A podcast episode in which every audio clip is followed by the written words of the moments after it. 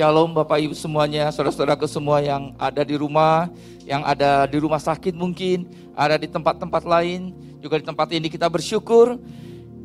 Ini tahun kedua kita merayakan Paskah dalam keadaan yang sangat memprihatinkan. Kita tahu juga ini mungkin Paskah yang paling berat juga.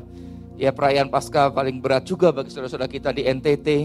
Karena itu kami bersama dengan kau saudara-saudaraku di NTT, kami doakan, kami dukung dan juga saudara-saudaraku terus dukung doa saudara-saudara kita di NTT, ya dukung dana juga, ya, apa yang bisa kita lakukan. Ya mungkin kita sendiri tidak sedang dalam masa-masa yang mudah, tapi kita tahu bahwa apa yang kita tabur, apa yang menjadi pernyataan kasih kita kepada setiap orang yang Tuhan ingatkan, maka itu tidak akan pernah sia-sia dan bahkan merupakan sukacita bagi kita. Amin. Ya, hari ini kita mau belajar alami dan ceritakan kuasa kebangkitannya. Sebetulnya seharusnya ada tambahan ya karena karena dalam bahasa Indonesia nggak terlihat tensisnya gitu ya. Harusnya senantiasa mengalami, senantiasa menceritakan. Ya mungkin kita pernah mengalami tentunya ketika kita menerima Tuhan Yesus karena ke, kebaikan Tuhan melalui satu peristiwa melalui satu keadaan dan kemudian kita kata terima kasih Tuhan. Kita mengalami pengalaman yang luar biasa. Mungkin itu tidak pernah kita bisa lupakan. Tapi pertanyaannya adalah bagaimana saat ini? Apakah kita juga sedang mengalami mengalami hal-hal yang membuat kita begitu merasa bersyukur, membuat kita merasakan Tuhan itu baik, bukan apa kata orang. Tuhan itu nyata, bukan apa kata orang, tapi aku mengalaminya. Baik, yang rindu mengalami senantiasa kuasa kebangkitan Tuhan Yesus mengalami pribadi Tuhan Yesus bisa lambaikan tangannya. Amin. Ya, kita mau lihat, kita mau belajar dari sebuah uh, cerita ya, atau sebuah kisah, yaitu perjalanan ke Emmaus.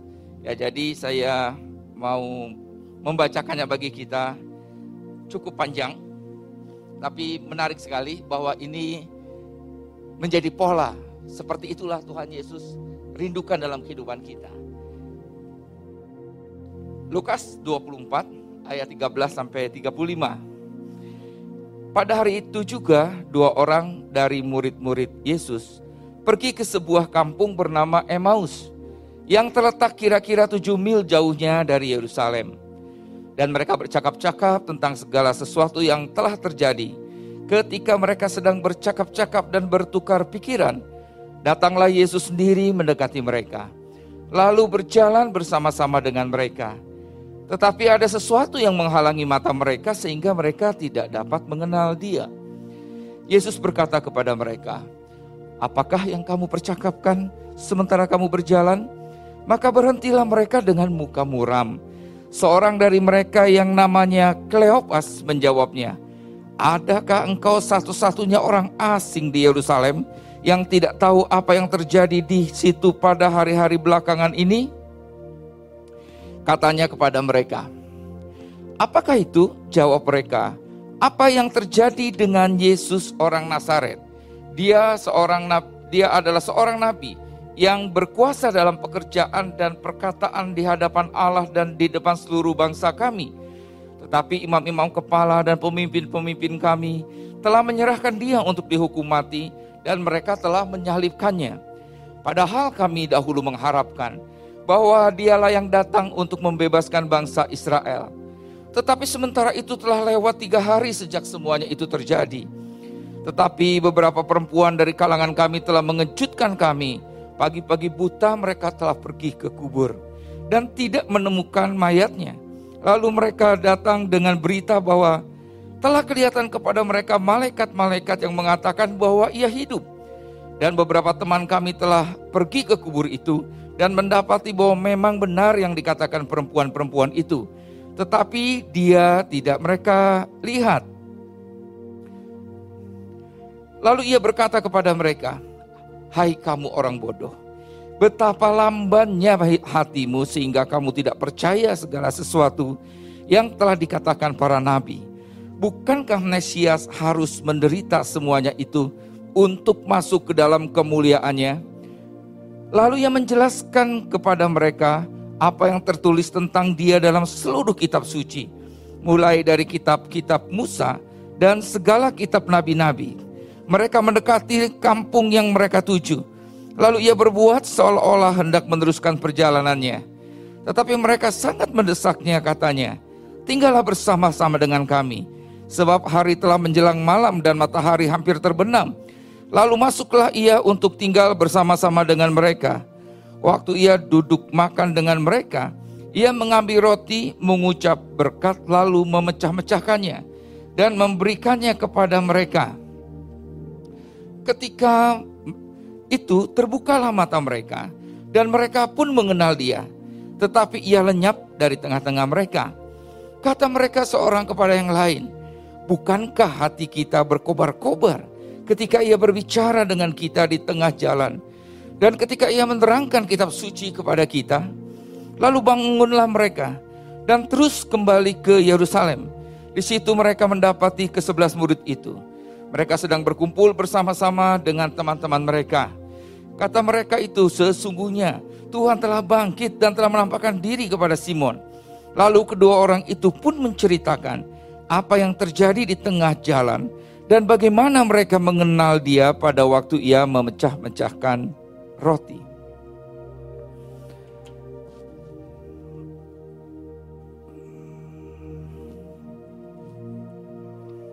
Baik, Mungkin kita sudah mengenal cerita ini, tapi saya saya lihat satu pola yang menarik sekali.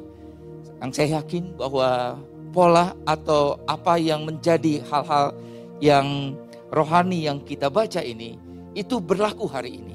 Itu bisa kita lihat dan dia rindu kita mengalaminya. Ya saya coba untuk membuat sedikit sketsa atau perjalanan dari percakapan mereka jadi ini kurang lebih yang namanya kampung Emmaus itu jaraknya tadi 7 mil dari Yerusalem, kurang lebih 12 kilo. Ya dari sini kurang lebih kalau kita jalan ke Cihideng mungkin ya, ke sebelah sana ya, ke Gerkalang sana. Ya kurang lebih itu kalau dalam perjalanan dengan dengan berjalan kaki dengan kecepatan kurang lebih 4 km per jam, berarti itu kurang lebih sekitar 3 jam perjalanan. Ya kurang lebihnya 3 jam. Ya jadi mereka bisa kita bayangkan Bapak Kleopas dengan temannya, yang satu nggak disebut namanya ya. Apakah itu Marcel atau Ferdinand, saya nggak tahu namanya ya.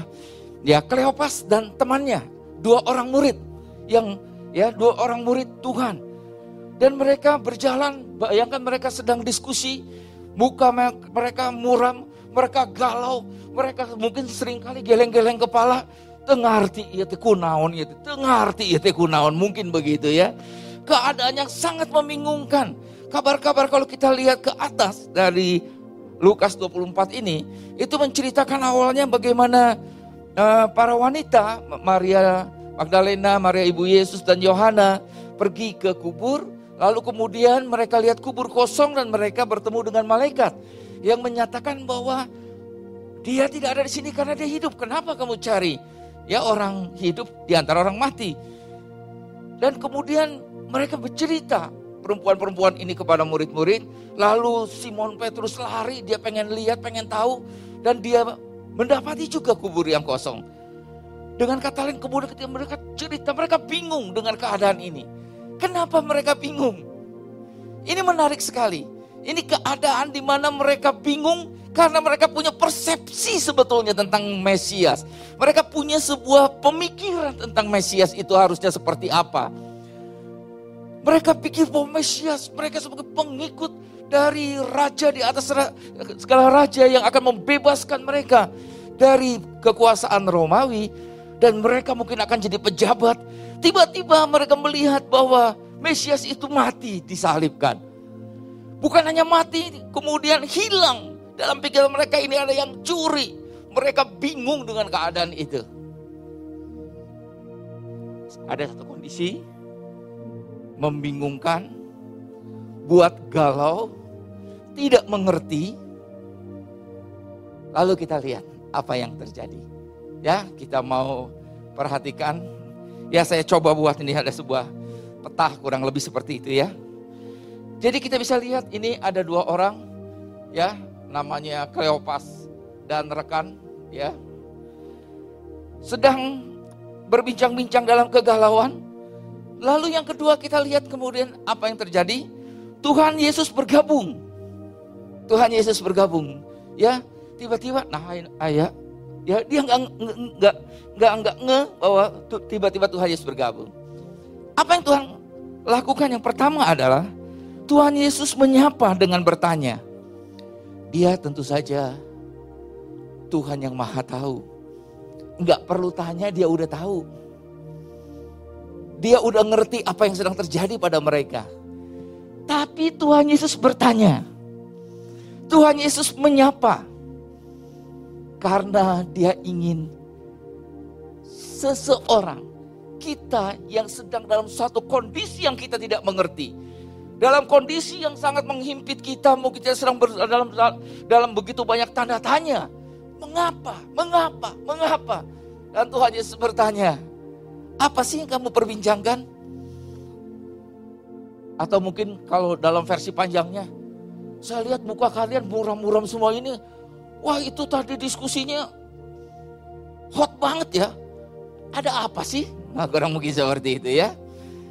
Kemudian ya yang bagian ungu itu bagian dari Kleopas dan rekan yang ya. Jadi Kleopas kemudian menjelaskan. Sebelum menjelaskan dia pandang dulu ya wajahnya wajah Tuhan Yesus. Mungkin dia pandang. Kamu orang asing di sini. Masa kamu nggak nggak ngedengar apa yang sedang terjadi di Yerusalem? Ya, nggak update nih kamu. Ya mungkin mungkin kalau bahasa anak mudanya begitu ya. Tapi sekali lagi Bapak dan Ibu kita akan melihat bahwa ada hal-hal penting yang perlu kita pahami yang Tuhan sedang lakukan dalam kehidupan setiap anak-anaknya. Jadi Kleopas menjelaskan kejadian dari mana? Dari sudut pandang mereka. Bahwa Yesus, Nabi, orang benar, yang mereka harapkan membebaskan mereka dari kekuasaan dari penjajahan orang Romawi. Sudah mati, tapi juga mayatnya hilang. Bingung. Menarik ya. Bukankah sudah berulang kali Tuhan katakan, dia akan mati, dia akan bangkit. Bukankah seharusnya cara pandangnya adalah Puji Tuhan, betul apa yang dikatakannya. Dia bangkit, dia hidup, mau tidak berkuasa atasnya. Tapi kenapa mereka begitu tertekan? Karena pola pikirnya. Karena mindsetnya. Setiap kita punya pola pikir, setiap kita punya sudut pandang terhadap sesuatu. Sudut pandang tentang seharusnya kalau untung, kalau kalau kalau kalau yang namanya keuntungan itu seperti apa? Pola pikir yang namanya baik-baik saja itu seperti apa? Kita ingin semuanya sesuai dengan apa yang kita pikirkan, sesuai dengan agenda dan rencana kita. Lalu apa yang dikatakan Tuhan Yesus? Ini saya bacakan sedikit menarik sekali apa yang Tuhan Yesus katakan. Lalu ia berkata kepada mereka, ayat 25 nih ya. Hai kamu orang bodoh, betapa lambannya hatimu. Tentu ini perkataan menegur yang menyayangkan. Satu kali ada satu cerita, seorang anak pulang sekolah, ibunya nggak ada di rumah, dan kemudian dia masuk ke kamar, dia kelaparan, dia coba hubungi ibunya nggak bisa. Jadi dia pada hari itu menunggu ibunya sampai malam tidak makan. Pas ibunya pulang dia merajuk. Mama gimana sih? Saya udah seperti itulah kurang lebih ya. Terus mama bilangnya, hah? Itu kan pap mama udah tulis di meja makan. ada ini, ada itu, ada ini, silahkan makan. Atau mungkin kalau dalam seperti itu, hai kamu anak yang bodoh. Lihat atau tulisan mama, itu tulisan mama udah jelas kok petunjuknya. Tapi mindsetnya karena setiap hari kalau dia datang seharusnya mamanya membukakan pintu dan kemudian dia menyiapkan makanannya ditungguin di meja makan. Jadi kalau nggak gitu tuh nggak ada makanan pikirannya. Ada pepatah seperti ayam mati di lumbung padi kayaknya gitu ya. Kalau kita bisa bilang ke ayam itu, saya bilang, kamu ayam bodoh gitu ya itu lumbung padi kamu nggak mau nggak bisa makan di lumbung padi.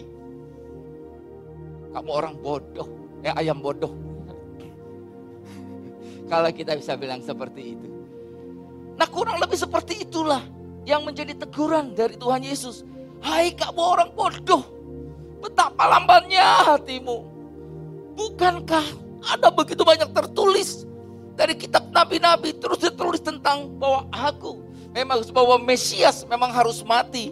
Ya harus mengalami itu kematian. Tapi dia akan bangkit. Dia sudah katakan, nabi-nabi sudah katakan, dia pun sudah katakan.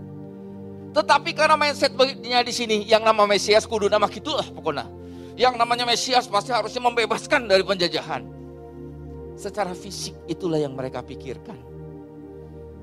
Nah, jadi apa yang kita lihat? Jadi yang kedua atau yang Kemudian Tuhan Yesus menegur dan Tuhan Yesus menjelaskan. Menjelaskan dari firman Tuhan. Menerangkan dengan teliti. Solusi apa pun yang kita sedang alami saat ini. Perhatikan baik-baik. Tuhan menyapa. Bukankah kita tahu bahwa dia tidak pernah meninggalkan kita? Dia janji dia menyertai kita sampai kesudahan alam. Dia janji karena dia ada di dalam hati kita. Tapi selama ini kita ngapain aja? Kita biarkan dia diam. Ketika tinggal dia bicara, kita tidak mau dengar. Dia pasti selalu menyapa. Ayo nak. Karena dia ingin kita mencurahkan, kita datang kepada dia. Dia rindu supaya kita datang dan mencurahkan apa pun yang kita alami. Karena melalui apa interaksi kita mencurahkan isi hati kita. Dia berbicara lewat firman-Nya. Di situ kita semakin mengenal dia. Di situ kita semakin mengerti siapa kita dan siapa dia yang mengasihi kita itu. Jadi Tuhan Yesus menegur, Hai kamu orang bodoh, betapa lambannya hatimu. Udah jelas banyak tertulis dia bicara. Dan waktu waktu Tuhan Yesus berbicara, mereka belum mengerti juga sepenuhnya. Tetapi ada sesuatu gerakan di dalam roh mereka. Roh mereka jadi berkobar-kobar. Roh mereka menjadi sesuatu, ada gerakan. Bisa jadi ketika kita mengalami Tuhan menyapa, kita datang, kita melihat firman-Nya. Kita belum mengerti juga. Tapi pastikan, karena roh kudus yang menerangkannya. Ada sesuatu di sini ada sesuatu mungkin kita katakan saya nggak tahu solusinya belum saya tahu. Tapi saya tahu bahwa Tuhan memberikan jalan keluar. Ketika kita bergaul dengan firman Tuhan, ketika kita mendengar firman Tuhan, akan ada gerakan di dalam batin kita. Dan kemudian mereka sampai ke Emmaus, nggak kerasa perjalanan tiga jam ya ngobrol, dia dengarkan, mereka dengarkan. Iya ya, kami udah sering dengar itu. Iya ya. Ketika Tuhan Yesus ya akan seolah-olah meneruskan, bilang, tolong bermalamlah di sini, bermalam di sini. Perhatikan baik-baik. Apa artinya itu? Pada waktu kita menerima firman dan kita belum mengerti. Ketika kita mungkin mendengar sesuatu, bisa jadi saya kemarin mengikuti KKR, ya I believe. Saya yakin kita bisa merasakan ada sesuatu di dalam di dalam uh, batin kita. Ya saya ikuti, saya ikut berdoa untuk orang-orang yang didoakan. Ya saya saya tahu pasti ada sesuatu lawatan Tuhan. Mungkin kita mendengar pesan-pesan Tuhan, sesuatu, firman Tuhan, kita ingat, tapi kita belum tahu betul solusinya. Maka yang harus kita lakukan, Tuhan aku mau lebih dalam lagi tahu. Itu yang dimaksud. Jangan pergi, diam di sini. Terangkan lebih lanjut apa yang dimaksud. Terangkan lebih banyak. Dan itu adalah langkah menuju solusi. Langkah menuju kita mengalami Tuhan. Ketika kita mendengar pesan Tuhan, entah lewat apa. Dan Tuhan berkata mungkin lewat hari ini. Di dalam pertemuan yang kau ikuti. Jangan stop sampai hari ini. Jangan stop hanya mengatakan, oh iya bagus ya. Oh iya saya tahu. Jangan. Jangan hanya stop hanya sampai tahu. Teruskan sampai engkau mengalami. Dan senantiasa mengalami. Bukan hanya kata orang. Jadi mereka katakan, diamlah di sini. Bicara. Dan apa yang terjadi? Di mana solusinya? Di mana poin pentingnya? Kapan mereka kemudian betul-betul tercelik ketika Tuhan Yesus mengambil roti, mengucap berkat, memecah-mecahkannya, memberikannya kepada mereka. Mereka sadar, mungkin juga secara penglihatan mereka kemudian melihat tanda di tangan Tuhan Yesus. Tetapi yang terpenting intinya adalah ketika Tuhan Yesus membawa mereka kepada esensi dari perjamuan kudus. Yaitu melihat apa yang telah Yesus lakukan bagi kita. Bukan kita yang mampu. Bukan kita yang bisa. Tetapi karena dia telah melakukannya bagi kita. Bukankah esensi dari perjamuan kudus adalah mengingat apa yang telah Yesus lakukan bagi kita. Darahnya yang tercurah. Penghapus buat mentahirkan seluruh dosa kita. Tubuhnya yang terpecah-pecah bilur-bilurnya menjadi kesembuhan menjadi suatu kuasa yang memberikan kepada kita kemerdekaan, kebebasan dari sakit penyakit, dari hal apa pun. Jadi, Bapak dan Ibu, kita lihat bahwa proses yang terjadi ini, ini yang Tuhan ingin kau dan saya alami. Dan kita lihat ketika matanya tercelik, apa yang terjadi ketika matanya tercedik menyadari hal ini? Mereka memiliki energi semangat yang luar biasa. Malam, ini sudah malam. Mereka kembali ke Yerusalem. Wah ya ini. Mereka kembali ke Yerusalem. Malam hari saya yakin. Kalau tadi perjalanan tiga jam berjalan. Sekarang pasti kurang dari dua jam mungkin ya. Karena mereka bergegas-gegas bergegas-gegas dalam keadaan gelap. Kenapa? Karena perjumpaan dan pengalaman bersama dengan Yesus. Itu memberikan energi pengurapan yang menyebabkan tidak ada halangan yang bisa menghalangi engkau. Tidak ada halangan. Amin. Kita, kita ingat masa-masa kita waktu awal-awal dengan Tuhan. Kita nggak punya uang. Kita nggak punya fasilitas. Yang kita punya kobaran hati di dalam di dalam jiwa kita, di dalam hati kita. Hanya itu. Orang-orang datang, ada yang datang ke kepala sekolah untuk meminta tempat persekutuan. Kepala sekolahnya diinjili. Wah, kita tahu kisah-kisah itu. Tapi saya ingin katakan alami bukan hanya sebagai nostalgia dan kenangan. Bagaimana? Tanggapi ketika dia menyapa kita. Ayo nak, aku rindu kepadamu. Ayo nak, datang. Kenapa engkau muram? Mungkin hari ini Tuhan bertanya seperti itu. Apa kondisimu nak? Dia maha tahu. Enggak perlu engkau cerita dia tahu. Tapi kenapa dia bertanya? Karena ingin engkau yang berbicara kepada dia ingin mendengar curahan hati. Ya, kami bersyukur.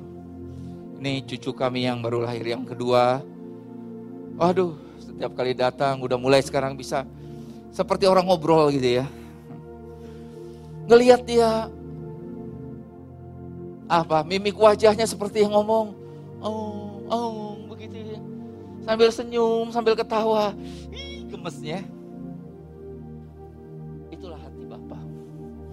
Dalam hal ini hati engkong ya hati kakek. Tapi itulah yang dimaksud. Betapa indahnya, betapa senangnya kami sering kali bernostalgia kalau ketemu dengan anak-anak. Paling ingat kalau menjemput anak-anak, kalau menjemput dari sekolah waktu anak-anak SD, waktu itu di Yahya. Mereka berceloteh, berceloteh semua ya. Yang lucu yang mungkin ada yang ya Ivan orangnya cukup wah sama sama Grace ngomongnya banyak. Si Kia cuma senyum-senyum aja gitu. Tapi suasana itu tak tergantikan. Itulah kerinduan Tuhan kita. Ingin mengatakan ada begitu banyak dalam perbendaharaanku yang ingin kuberikan kepadamu. Dia tanya, kenapa kau tertekan?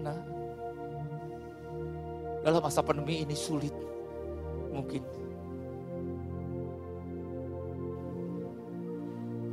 Baik, jadi sekali lagi, ketika Tuhan menyapa, Mari kita tanggapi. Mungkin kemudian dia akan katakan, nak kamu bodoh. Banyak banget yang Bapak siapkan bagimu. Tinggal ambil. Sama seperti si Bapak bilang kepada anak sulung. Yang merengek kenapa si anak bungsu ini dikasih sedemikian banyak sementara aku ini itu. Si Bapak bilang, aduh anakku engkau selalu bersama-sama dengan aku. Milikku milikmu. Dengan kata lain mungkin dengan perkataan ini, kamu bodoh. Apa pun yang kau mau silakan. Yang terindah adalah hubungan kita dengan dia. Berbicara. Jangan puas kita punya banyak nostalgia. Jangan puas kita hidup di dalam keadaan rata-rata. Apa cirinya? Sederhana. Kau bisa periksa.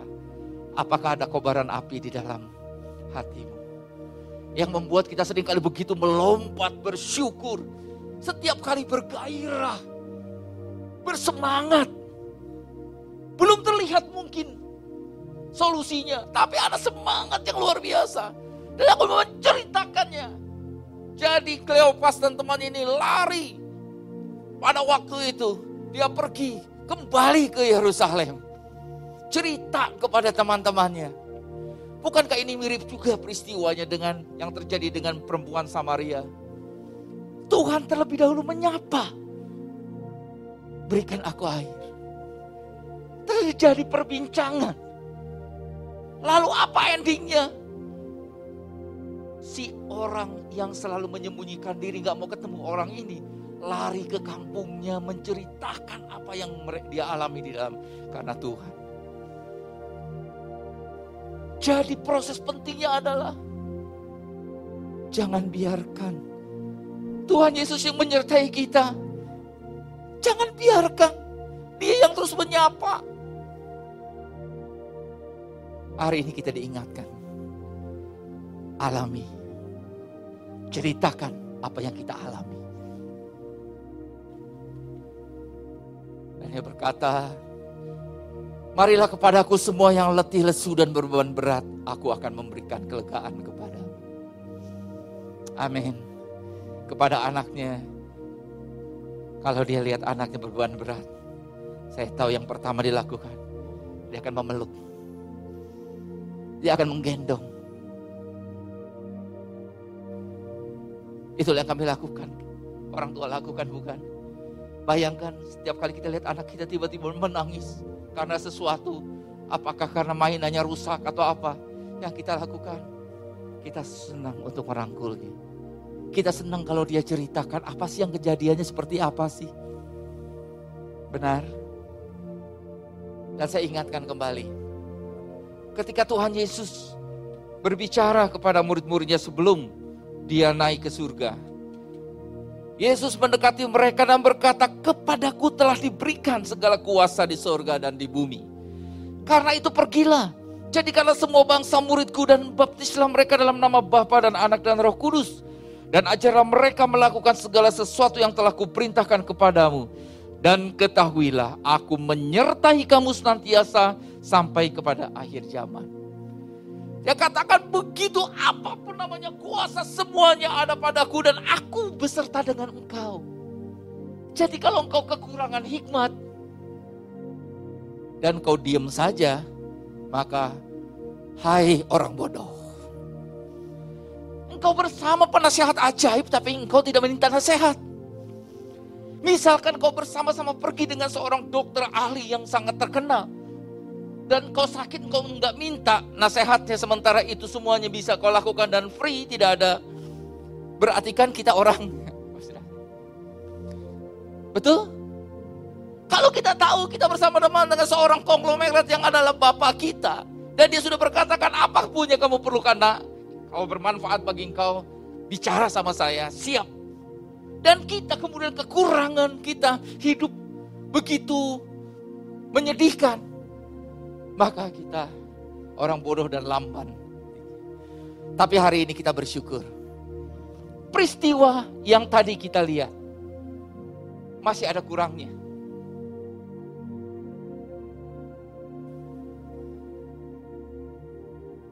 Karena kita jauh lebih lengkap daripada itu. Karena roh kudus sudah turun. Pada waktu itu dia mereka berbicara, Tuhan Yesus berbicara tiga jam. Mereka berkobar-kobar, mereka belum mengerti. Hari ini kita bersyukur kita memiliki guru ajaib yang ada yang yang bersama-sama dengan kita. Yang mengajarkan kepada kita, yang menerangkan kepada kita, yang mewahyukan kepada kita. Masalahnya maukah kita datang, maukah kita datang, maukah kita mencari, maukah kita mengetuk. Amin. Puji Tuhan, kita punya solusi. Kita punya segalanya di dalam Tuhan. Dan ketahuilah, Yesus berkata, Aku menyertai engkau sampai kepada akhir zaman.